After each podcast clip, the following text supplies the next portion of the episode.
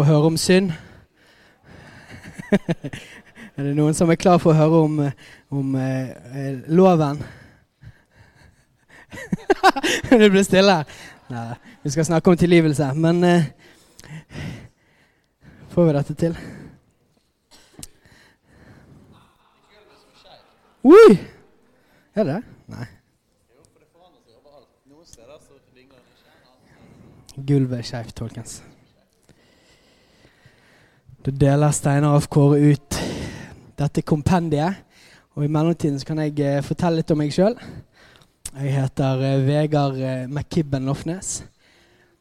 Jeg er gift med en fantastisk dame som heter Ingrid. Hun er min kone. Vi har vært gift i ti år. Sommer som var. Vi har to barn. Vi har en sønn på to år som heter Joel. En datter på seks år som heter Karianne. Eh, så vi sover ikke så mye. Eh, vi er mye våken, og vi eh, lever et hektisk liv. Men det er fantastisk. Jeg er med og leder menigheten, Jesusfellesskapet, sammen med en god gjeng. og det er fantastisk. Jeg har jobbet, jobbet, ganske mange år faktisk i denne menigheten og i bibelskolen før det. Men det er, det er rikt å få lov å jobbe i Guds rike. Eh, og det kan man heldigvis gjøre uten å jobbe i menighet òg, bare sånn at det er sagt med en gang. Uh, ja. All right. Jeg tullet litt med å spørre om dere var klar for å høre om synd, men jeg mener det òg. Eh, fordi at jeg eh, har fått lov og privilegiet å tale eller undervise om temaet tilgitt eller identitet, rettferdig og hellig. Og Hvis vi skal snakke om rettferdig og hellig, så må vi et godt, uh, godt stykke innom uh, synd og dom og soning av synd og rettferdiggjørelse og hellighet. Og Det er det vi kommer til å gå gjennom i dag. All right, er dere klare? Jeg elsker å lese Paulus sine brev. Um, og Romerbrevet har vært et favorittbrev for meg i, i mange år. Men noen ganger Jeg vet ikke om eh, dere opplevde når dere skal lese i Romerbrevet. Nå skal jeg bare se hva klokken er, sånn at jeg vet cirka tid. Um, så kan det føles eh, Noen av disse avsnittene til Paulus føles eh, litt som å spise biff. Eh, som er litt trevlete og vanskelig å tygge. Fordi at det er massivt. Det er, det er, så masse setninger, og det er så mye teologi, og det er så mange vendinger og svulstige ord og uttrykk. Eh, sånn at det kan være en jobb noen ganger å, å lese gjennom og forstå. da. Eh, men med Den hellige ånds hjelp vet du, så gjør han eh, sitt ord åpent og klart for oss. Eh, så jeg tenker at eh, kan vi begynne å be litt. Skal vi gjøre det? Før vi går inn i romerne og alt mulig. vi takker deg, Hellige Ånd, for at du, eh, du er interessert i å åpne ditt ord for oss. Takk at vi slipper å uh, sitte oss ned med Bibelen uten eh, evne eller mulighet til å tolke det riktig, Jesus. Men du, Hellige Ånd, bor inni oss, Herre. Og Jeg ber akkurat nå Jesus, om at du skal eh, åpenbare det som står i ditt ord. Herre. Jeg ber om at du åpenbarer eh, de fantastiske skattene og rikdommen Jesus, som, som, vi finner Jesus i ditt ord. Herre. Og Jeg ber om at, at mer enn at dette blir en fin undervisning, så ber jeg om at du skal plante noe dypt i oss her i dag. Eh, i vår identitet, i vår tanke på oss sjøl og på verden, på eksistensen og på deg, Herre. Vi ber om det. Vi ber om åpenbaring her. Vi ber om en, en ånd av visdom og åpenbaring sånn, Herre. Ikke bare over ordene som jeg taler, men over alle våre hjerter, Herre. At når vi leser ditt ord i dag, og når vi går inn i det, Herre, at du virkelig åpner det opp for oss, Herre. Kom, Hellige Ånd. Ny mikk. Hallo, hallo. Er det bedre? Kan være at jeg må begynne å holde sammen, men jeg liker å ha den her oppe. Så vi får bare Vink til meg hvis det skurrer veldig. Kanskje dere det? Ok. La oss åpne romerbrevet. Så går vi til kapittel tre.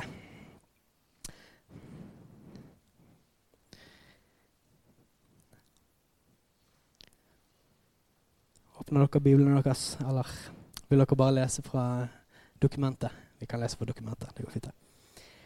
Derfor blir intet kjød rettferdiggjort for ham ved lovgjerninger. For ved loven kommer erkjennelse av synd.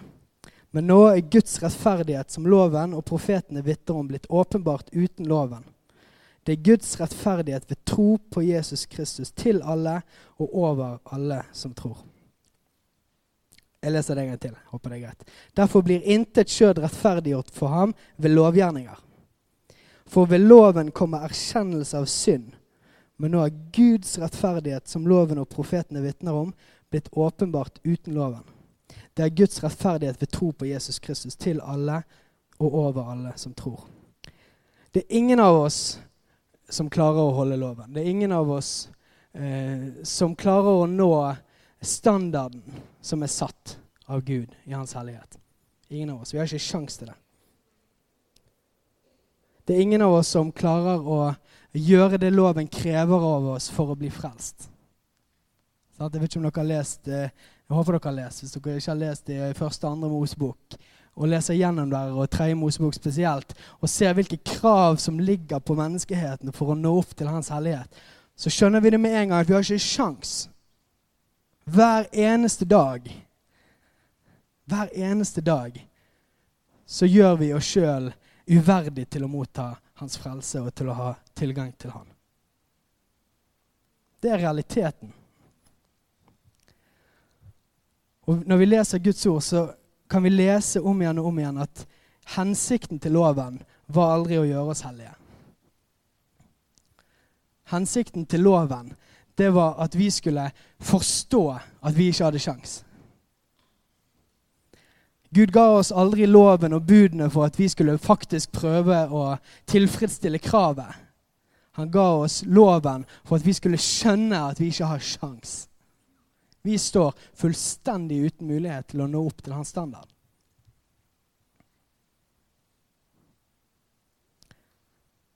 Den er blitt gitt til oss for at vi skal erkjenne, innrømme, se at vi trenger noe utover oss sjøl for å kunne komme inn til han og leve i relasjon med Gud. Alright? I Romane 3,23 der står det for det er ingen forskjell. Alle har syndet. Alle mangler Guds herlighet. Og det er ingenting vi kan gjøre folkens, til å bedre situasjonen vår. Jeg vet ikke om dere har prøvd det noen gang. Og eh, Hvis dere har slitt med noe synd eller dere har tanker som har vært vanskelig, har dere noen gang prøvd det å fikse deg sjøl? Å disiplinere seg sjøl for å slutte å synde? Og holde seg sjøl i nakken og, og, liksom virkelig gjøre all jobb man klarer fordi at man vil komme ut av en syklus av synd eller tanker. Har dere prøvd det noen gang? Jeg har prøvd det mange ganger. Det funker ikke Det eneste som fins der, er det, det er fordømmelse, det er dypere bunnhet. For vi har ikke sjans, folkens.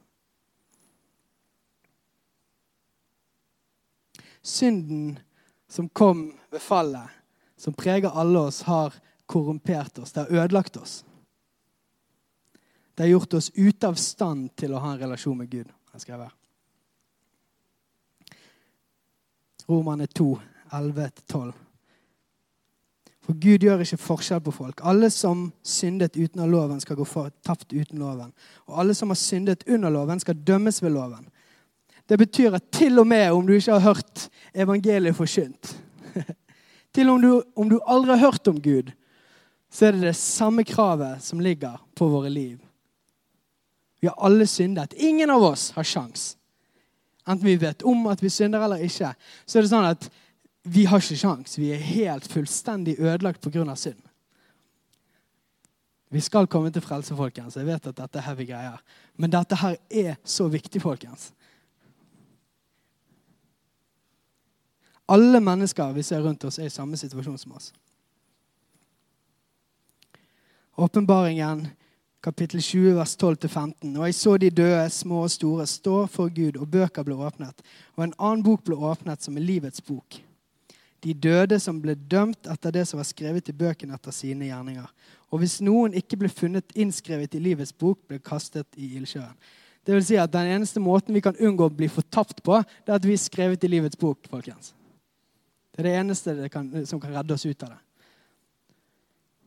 Jeg vet at dette er brutale greier. Det er ikke sånn der, eh, søndag morgen du er litt sliten, så kommer du til menigheten og så bare å, 'Fortell meg litt om synd.' fortell meg litt om hvor dårlig det står til med min sjel. Men det er en grunn til dette, og grunnen er dette at det jeg skal forkynne i dag, og det jeg underviser i dag, er at den komplette fortapelsen som vi står i, folkens, Det er den vi blir reddet ut fra. Hva vi blir reddet ut fra, er til komplett og fullstendig frelse. Og vi kan ikke ha komplett og fullstendig frelse hvis vi ikke òg har komplett og fullstendig fortapelse. Skjønner dere den kontrasten der? Det er derfor dette kan være litt heavy. Men eh, la oss gå til eh, punkt 6.2. ok? Soning av synd. Kan vi puste litt? Nå kommer vi til kjærligheten og nåden og sånn. Eh, nå skal jeg drikke litt òg. Romerne kapittel 5, vers 8. Men Gud viser sin kjærlighet til oss, og at Kristus døde for oss mens vi ennå var syndere. Og det er jo håpet vårt. da. For Vi vet jo om vår ufullkommenhet. sant? Vi vet at vi sitter i eh, møkken. Vi sitter i driten, og vi kommer oss ikke ut. Sant? Vi, vi, ser at uh, uten at det er noe som uh, griper hånden inn og løfter oss ut av det, så er vi jo fortapt for evig. Og Vi har ingen sjanse til å klare å komme oss ut av gjørmen sjøl, og vi er stuck der. Men mens vi fremdeles er der, folkens, uten evne til å gjøre noe som helst, så er det dette her som er nåden. At Gud i sin kjærlighet griper inn i vårt mørke, inn i vår død, inn i vår synd, før vi har sjanse til å gjøre noe som helst for å fortjene det. Mens jeg fremdeles er nede i gjørmen. Jeg vet ikke om dere var når dere var liten. En av de tingene som jeg lærte da jeg var liten, sikkert gjennom Donald og andre ting, at noe av det farligste du kan møte på denne jorden, det er kvikksand. Har dere hørt det? Jeg forstår jo noe som voksen at det stemmer jo ikke. Jeg har aldri vært borti kvikksand eller sygemyr eller noen ting før. jeg. Det var en veldig reell ting i min bevissthet som eh, femåring eller syvåring eller åtteåring. Men vi står i en sånn synkemyr, i en kvikksand, folkens. Og synden den eh, får oss å synke dypere og dypere ned. Og det eneste vi kan gjøre, er å håpe på at han kommer. Og så gjør han det. Mens vi fremdeles er der. Det er ikke etter vi har kommet, fått én fot opp av gjørmen. Det er ikke når vi klarer å få tak i en grein, sånn at vi klarer å holde sjøl litt opp, og så kommer Jesus etter hvert og hjelper oss på den frelsen vi allerede har begynt å gjøre på sjøl. Det er ikke sånn det funker, folkens. Vi har ingenting å stille opp med. Og så kommer han og griper sin hånd inn mens vi fremdeles er syndere. Han kunne valgt. Han hadde sin fulle rett til å la oss gå fortapt. Men så valgte han istedenfor å la oss gå fortapt og betale den prisen som vi aldri kunne betale for vår egen frihet, og ta prisen og kostnaden sjøl. Gikk han inn, så så han at hey, disse har ikke sjans. Men han skapte oss for samfunn med han. Han skapte oss for et liv med han. Og vi var verdt det til at han ville betale det sjøl. Hebreerne 9, vers 12-14. Ikke med blod av bukker og kalver, men med sitt eget blod gikk han inn i helligdommen en gang for alle og fant en evig forløsning. For så sant blod av bukker og okser og asken av en kvige helliger til skjødets renhet når det blir stenket på dem som er urene, hvor mye mer skal da Kristi blod, han som i kraft av en evig ånd bar seg sjøl framfor Gud som et lyteløst offer, hvor mye mer skal ikke han rense vår samvittighet fra døde gjerninger, så vi kan tjene den levende Gud? Johannes 1,29, der står det dagen etter ser en Jesus komme til seg. Det er Johannes døperen som sier dette til noen av sine disipler. Dagen etter ser Johannes døperen Jesus komme til seg, og så sier han, se der er Guds lam som bærer bort verdens synd. Jeg vet ikke hvor mye dere har vært i, i den gamle pakt og renselsesoffer og kviger og blod og greier. Det er en stor greie i Gamle Testamentet. Og jeg har ikke skrevet det ned her, men i første Mosebok 15 da kan du lese om når, når eh, Abraham hadde en pakt med Gud om at han skulle få være stamfaren for Guds folk. Og de driver og skjærer dyr i to og, og fugler og legger det offer. Så går de gjennom og så lager de pakt med blod. Blod er en viktig greie. Det eneste måten vi kunne få komme inn i en ny pakt på, var at eh, noe blod ble utgitt. Det var vårt blod som fortjente å bli utgitt for den synd og den skylden som vi bærer.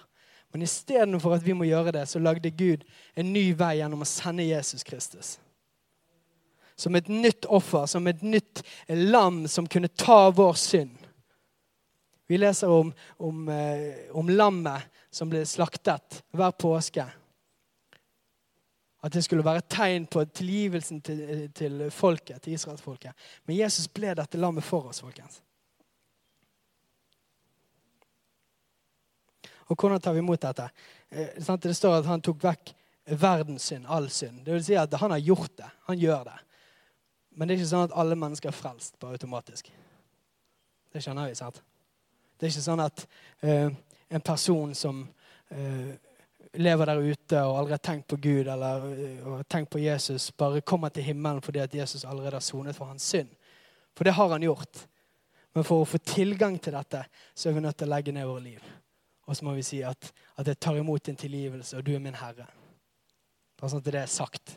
Vi må si det igjen og igjen. I hvert fall i dette samfunnet her. Vi kan ikke, sånn Det er en teologisk retning som kalles universalisme. sånn at Alle blir frelst. Alle kommer til himmelen fordi Jesus kjøpte oss fri fra all synd. Og Det er sant at han kjøpte oss fri fra all synd, men vi er nødt til å legge ned våre liv, bøye våre hjerter, gi våre liv til Han. Erklære og bekjenne Han som, som frelser og herre i våre liv.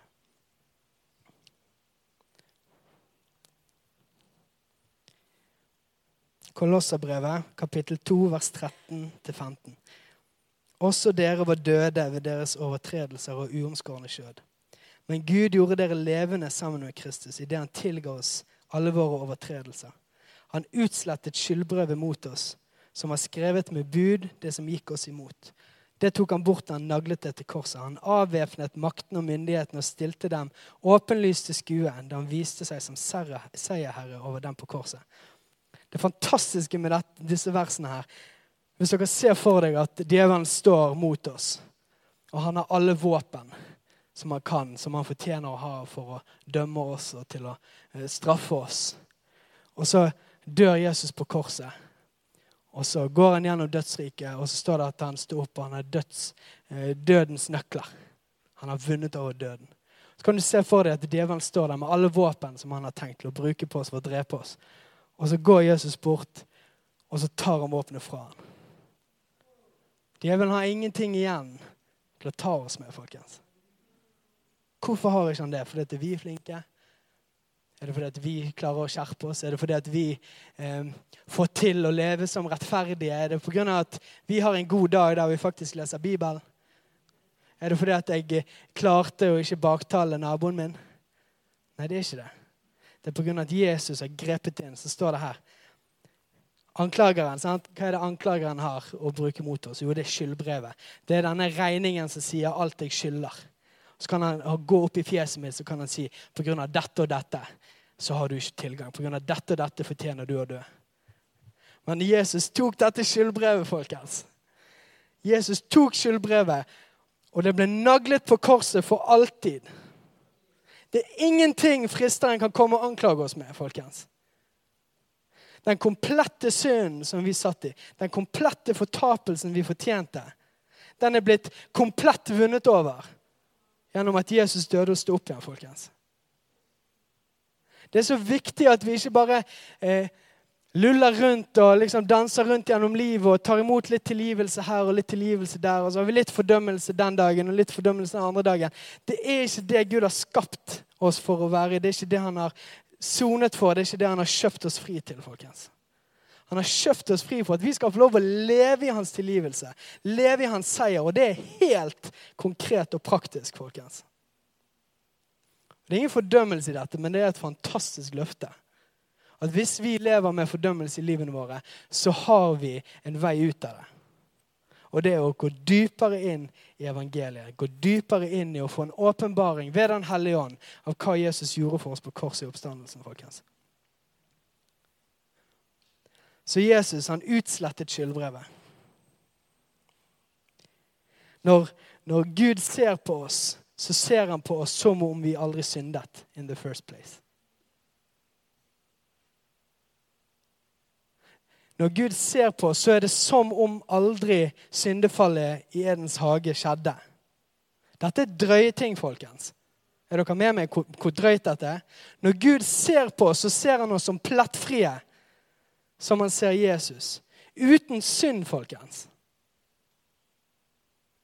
Det vil ikke si at vi ikke har ansvarlighet og vi må, må leve rett med livene våre. Det er ikke det det handler om. Men, men dette istandgjør oss folkens, til å kunne leve som rettferdige. Når vi vet at han, kan, han anklager ikke oss. Djevelen kan ikke anklage oss. Jeg er tilgitt, jeg er satt fri, jeg er renset, jeg er rein. Det gir meg kraft til å leve som det. Det er drøye greier.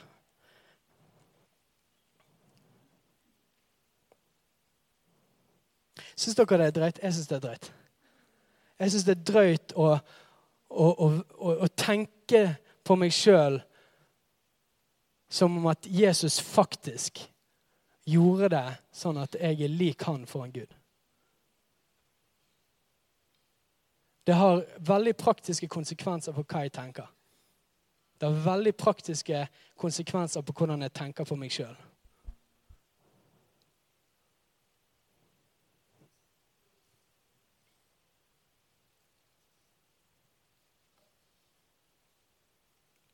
All right. La oss gå til 6.3. Rettferdig. Sant? Nå har vi snakket om synd. Vi har snakket om soning av synd. Sant? Jesus tok straffen på seg sjøl. Og så skal vi snakke om rettferdig.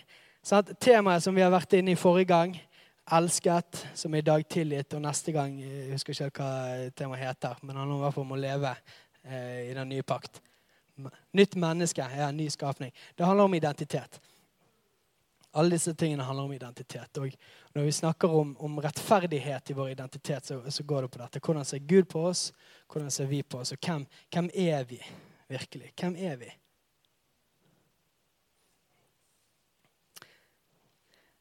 Ordet 'rettferdig' det, det er hentet fra rettssystemet, eller språket de bruker i rettssaler.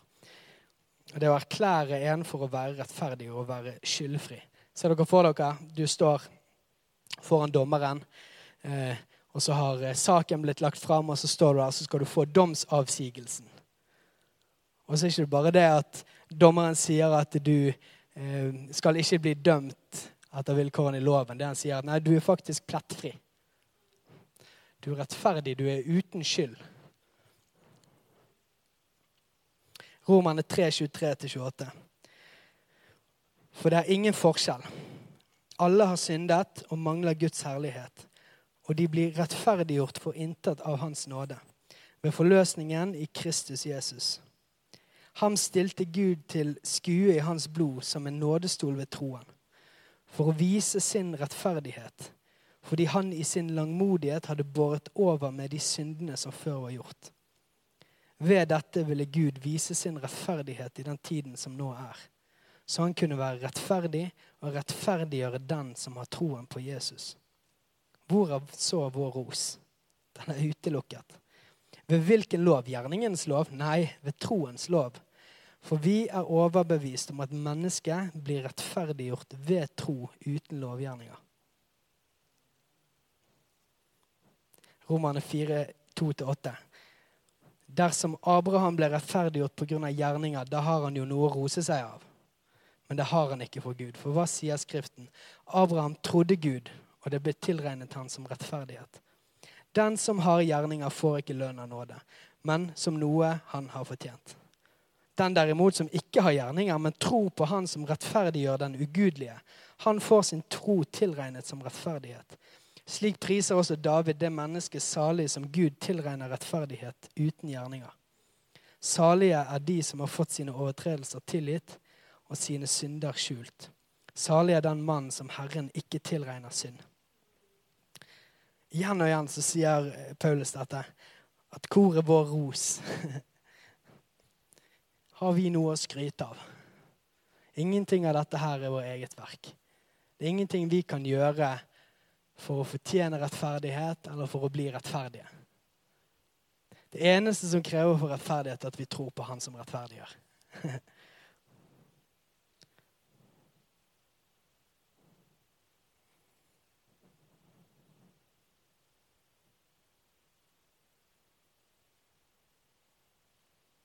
For vi er overbevist om at mennesket blir rettferdiggjort ved tro uten lovgjerninger.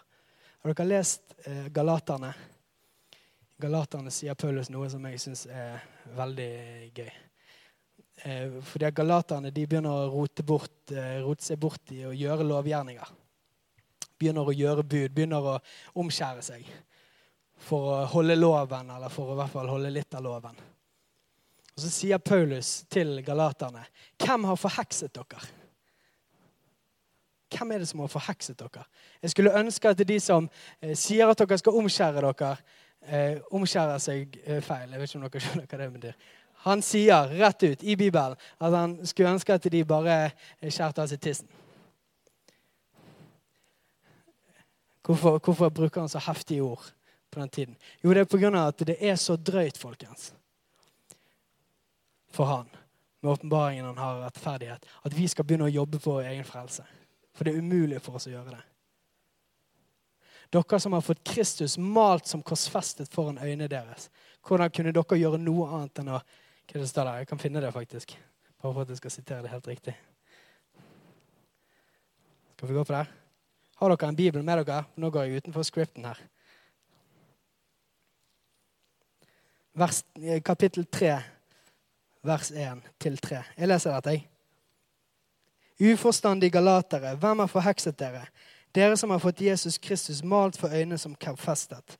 Bare dette vil jeg vite av dere. Var det ved lovgjerninger dere fikk ånden, eller var det ved å høre troen forkynt? Er dere så uforstandige at dere begynte i ånd, vil dere nå fullende i skjød? Og Så snakker han senere om dette med eller før, jeg husker ikke helt, om å skjære av seg tissen. Men det er ikke det vi trenger å fokusere på. Vi kan ikke fullføre frelsen vår med våre egne gjerninger. Det kommer aldri til å gå. Enten så tar du imot hele hans tilgivelse, eller så må du gjøre det sjøl. Og det vet vi ikke funker.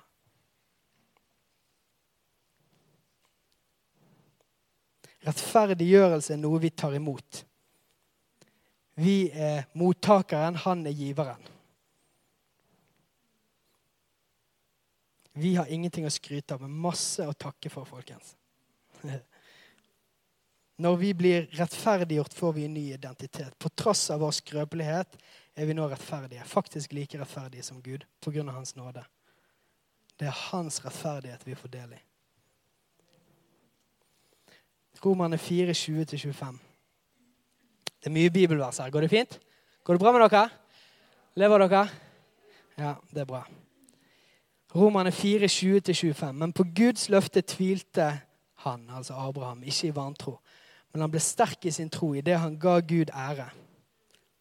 Han var fullt viss på at det Gud hadde lovet, det var han òg mektig til å gjøre. Derfor ble det også regnet han til rettferdighet. Men ikke bare for hans skyld er det skrevet at det ble tilregnet ham. Det er skrevet også for vår skyld, som skal få rettferdigheten tilregnet vi som tror på Han som reiste Jesus, vår Herre, opp fra de døde. Han som ble gitt for våre overtredelser og reist opp til vår rettferdiggjørelse. Rettferdiggjørelsen er en forandring av vår stilling foran til Gud. Det skjer gjennom at når Jesus står opp, så får Ja, nå mistet jeg prøvde å lese her. Jeg er ikke så vant til å lese fra teksten. her. det går fint, ikke? Korset sonet synd. Vi kan jo lese det her. Sant? Han som ble gitt for våre overtredelser, og han ble reist opp for vår rettferdiggjørelse. Vi kan se på det sånn at, at han eh, døde på korset for å sone syndene våre. Han ble reist opp. Han vant seier over døden og dødens makt for å rettferdiggjøre oss. Skjønner dere den vendingen der? Korset sonet synd. Oppstandelsen ga oss en ny identitet. Øyvind Andersen, Øyvind Gårde Andersen, en veldig flott teolog her i Norge, han sier dette. Rettferdiggjørelsen betyr at Gud dømmer oss som om vi var Kristus. Fordi han i sin tid dømte Kristus som om han var oss. Den som er rettferdiggjort, står for Gud i Guds omdømme som Kristus står for Gud. Jesus ble som oss og tok vår straff. Og så får vi bli som han foran Gud. Det er fantastisk bytte, altså.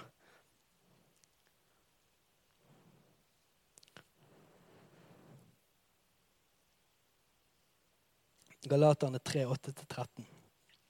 Når Skriften forutså at det er ved tro Gud rettferdiggjør hedningene, forkynte dem på forhånd dette evangelium for Abraham. I deg skal alle folk velsignes.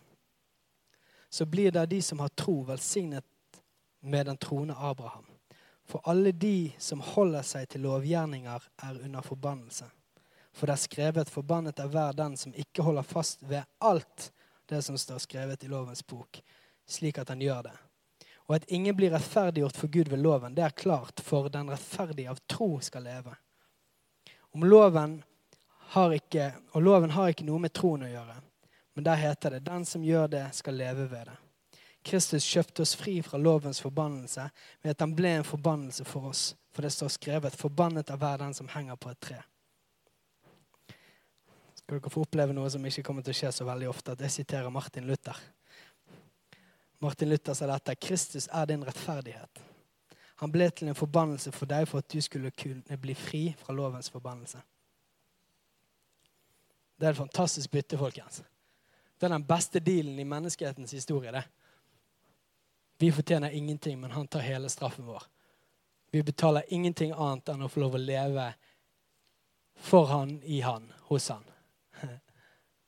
Takk og lov. OK. 6-4.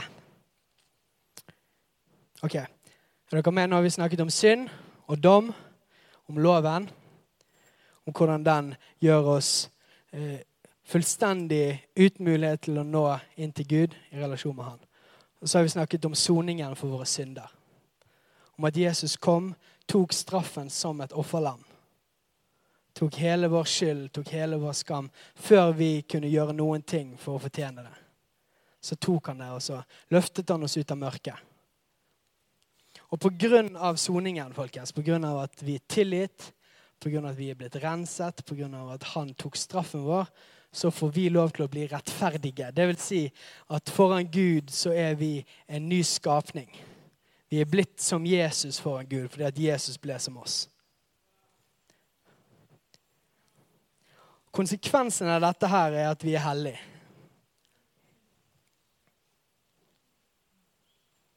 Ordet vi oversetter til hellig på gresk, er hagios. Det det betyr, det er å være ren, å være moralsk skyldfri og innviet for Gud. I Hebreerne 10, 14-22, der står det For med ett offer har han for alltid gjort dem fullkomne, som blir helliget. Jeg vil bare stoppe der. Hvor drøyt er det verset? For alltid vil han gjøre oss perfekte, vi som blir gjort perfekte. Det er ingenting vi, det, vi tar ingen aktiv del av det, folkens. Han gjør oss hellige, og han hellig, altså, han gjør oss fullkomne, og han helliger oss. Fantastisk. Dette vitner også Den hellige ånd for oss. For etter at han har sagt dette er den pakten som jeg vil opprette med dem etter disse dager, så sier Herren, jeg vil gi mine lover i deres hjerter og skrive dem i deres sinn. Deres synder og deres lovovertredelser vil jeg ikke lenger minnes. Men der det er forlatelse for syndene, trenges det ikke lenger noe offer for synd. Brødre, vi har altså i Jesu blod frimodighet til å gå inn i helligdommen. Til den har han innviet for oss en ny og levende vei gjennom forhenget. Det er hans kropp. Og vi har en stor prest over Guds hus. Så la oss da tre fram med sannferdig hjerte i troens fulle visshet, med hjertet renset fra en ond samvittighet og med legeme badet i rent vann. Det er en ting som er så utrolig viktig for meg, og som eh, Jeg studerte teologi for en god del år siden på NLA. Så det var et uh, fint år. Uh, jeg, jeg, fulgte Jesus da, så det var liksom ikke, det var ikke bibelskole. for å si det sånn. Men det var interessant. Og eh, I klassisk luthersk, i hvert fall en skandinavisk luthersk forståelse, så er det sånn at for å komme over problemet med at vi er hellige, men vi synder fremdeles, så har man måttet gjøre noen sånn teologiske krumspring. Så i, i klassisk luthersk teologi så tenker man sånn som dette at ok, Um, Gud sier jeg er hellig, men siden jeg fremdeles synder, så kan jo ikke det stemme helt.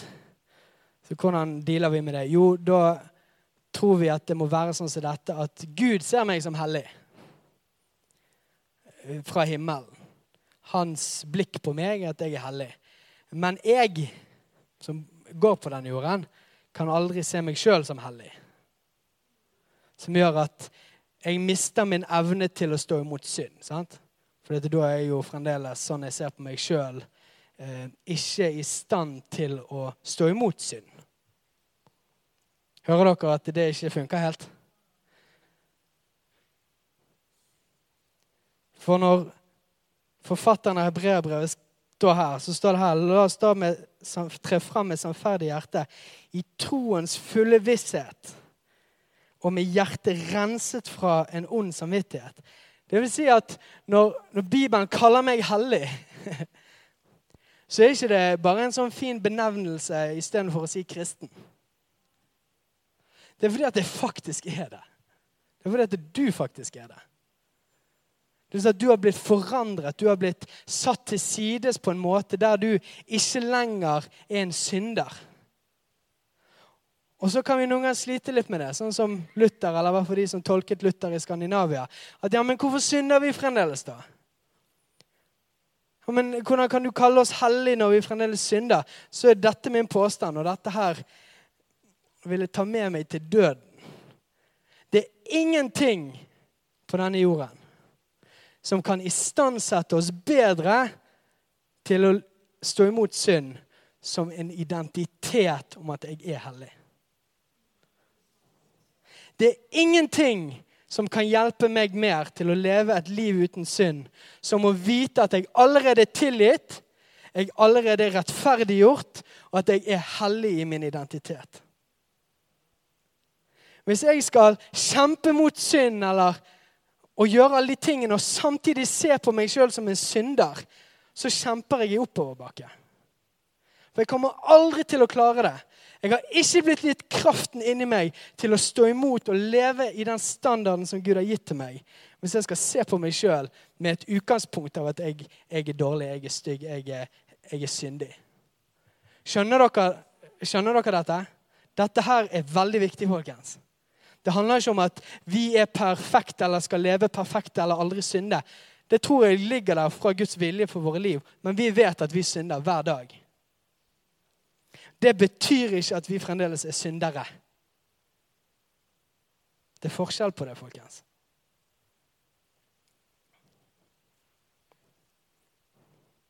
De som blir rettferdiggjort, blir òg helliggjort. De som blir helliget, blir gjort perfekt. Det vil ikke si at vi aldri faller i synd, men at vi har fått en ny identitet, en ny posisjon foran Gud.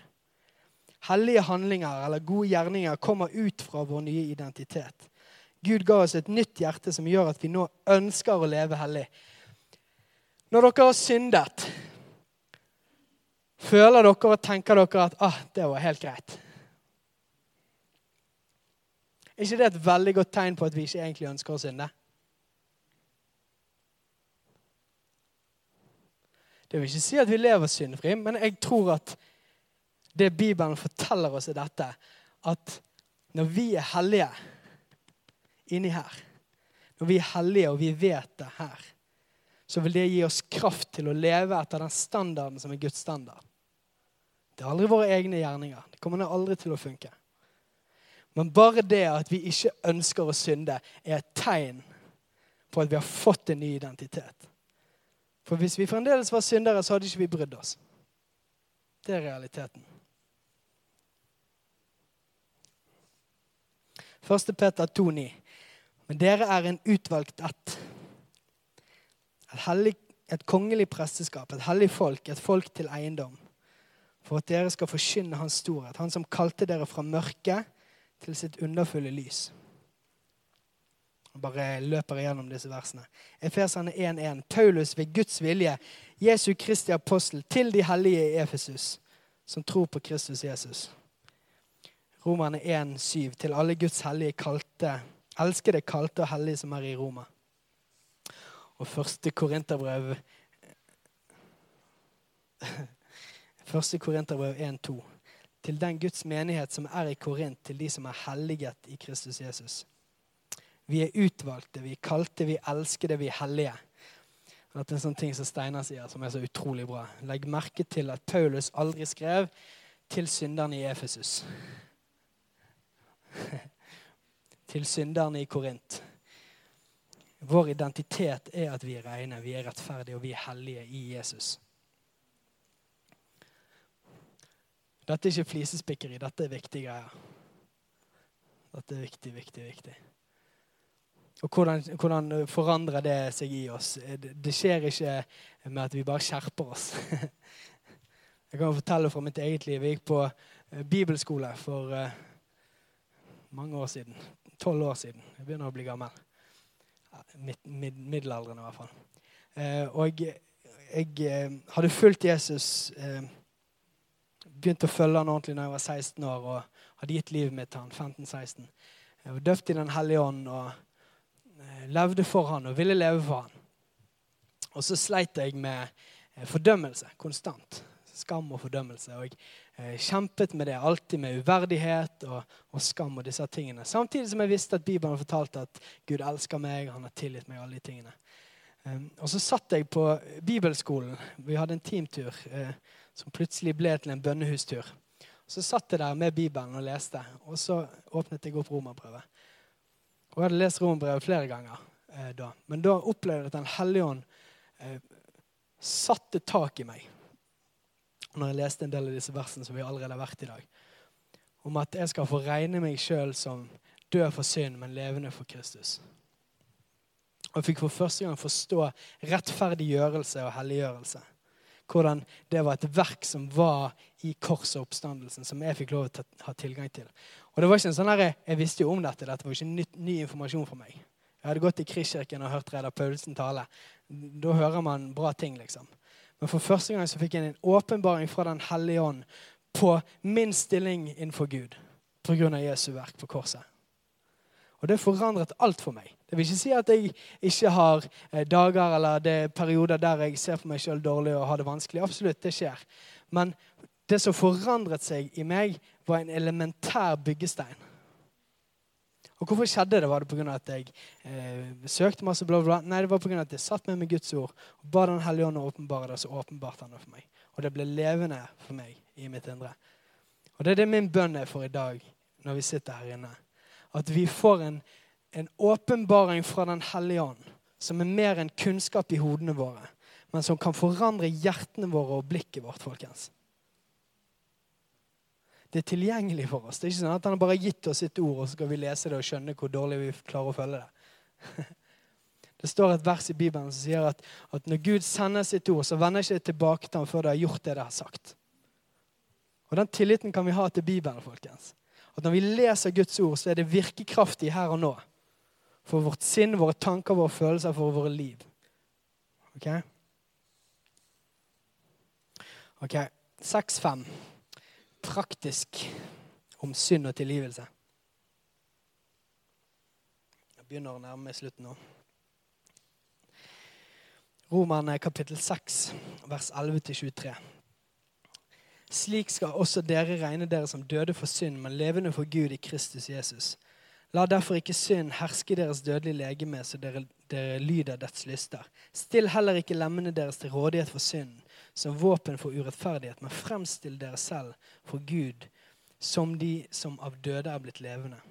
Og by deres lemmer fram som rettferdighetens våpen for Gud. For synden skal ikke få herske over dere. For dere er ikke under loven, men under nåden. Hva så? Skal vi synde siden vi ikke er under loven, men under nåden? Langt derifra. For like som dere før bød fram lemmene deres til tjeneste for urenheten og lovløsheten som førte til lovløshet, så nå deres lemmer fram til tjeneste for rettferdigheten. Det fører til helliggjørelse. For da dere var synderes tjenester, var dere fri fra rettferdigheten. Hva slags frukt høstet dere så den gangen? Slik som dere nå skammer dere over, for det ender med død. Men nå, når dere er frigjort fra synden og er blitt tjenere for Gud, har dere helliggjørelse som frukt, og til slutt evig liv. For syndens lønn er døden, men Guds nådegave er evig liv i Kristus Jesus, vår Herre. Når vi er under nåden, så er ikke vi lenger syndens slave, folkens. Vi er ikke nødt til å synde. Men vi blir fristet, og vi kan velge å synde. Men forskjellen er at nå har vi et valg. Forskjellen er at det som før, eh, der vi var maktesløse mot synden, der har vi nå fått en ny identitet. Vi har fått en ny verdighet og en ny kraft inni oss som gjør at vi trenger ikke synde. Vi kan si nei til det. For vi er ikke lenger slave under det. Vi er ikke bundet av det. 1. Johannes 1,9. Alle over synder. ok? Vi vet det. Det tar ikke noe vekk fra identiteten og sannheten allikevel. Men i 1. Johannes 1,9 der står det dersom vi bekjenner våre synder, er han trofast og rettferdig, så han forlater oss syndene og renser oss fra all urettferdighet. Jakob 5, 16, der står det bekjenn derfor dere synder for hverandre, og be for hverandre for at dere kan bli helbredet. Et rettferdig menneskes bønn har stor kraft og virkning. Så hva gjør vi når vi synder? Jo, da bekjenner vi synden vår til Gud eller til andre. Og så ber vi om tilgivelse, og så tar vi imot tilgivelse. Vår identitet som rettferdige og hellige blir ikke endret om vi faller i synd. Tvert imot er det vår nye identitet som gir oss grunnlaget for å leve etter Guds vilje. Romerne 8, 1-4, så er det da ingen fordømmelse for dem som er i Kristus Jesus. For livets ånds lov har i Kristus Jesus frigjort meg fra syndens og dødens lov.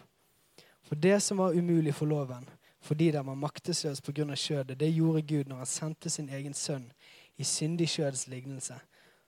For syndens skyld og fordømte synden i kjødet, for at lovens krav om rettferdighet skulle bli oppfylt i oss, vi som ikke vandrer etter kjødet, men etter ånden. Det er ingen fordømmelse for oss, folkens. Takk Gud. Det er ingen fordømmelse for oss. Jesu døde oppstandelse frelser oss fra fortapelsen, gir oss en ny identitet. Den gir oss nåde om vi faller i synd, og istandsetter oss til å leve som en ny skapning. Dette er gode nyheter. Dette er gode nyheter. Dette er utrolig viktig. Ja. Man skulle vite hvordan man skal wrap it up. Men hva om vi lukker øynene våre, og så tar vi og ber litt? Grann?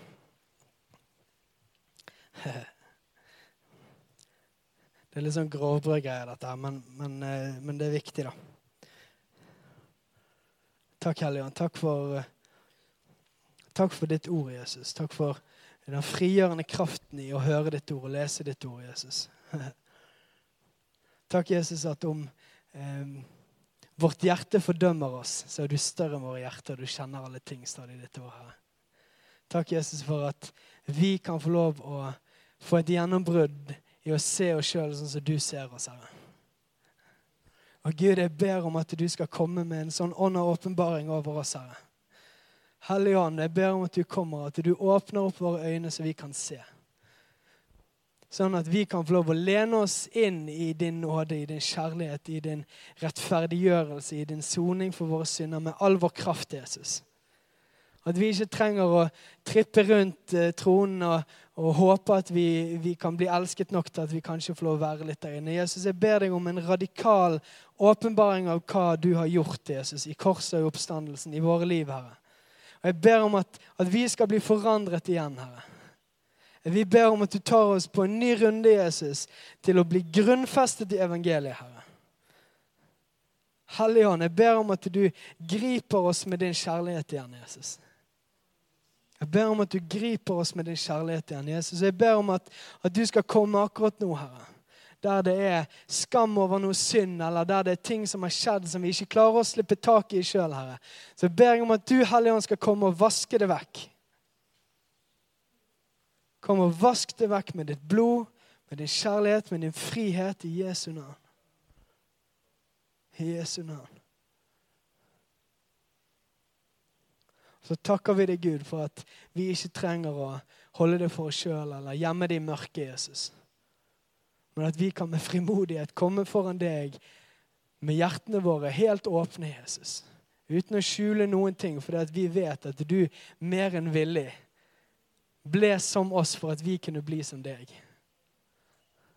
Så kom Helligånd. Kom Helligånd og ta oss på en ny reise inn i nåde. I Jesu navn.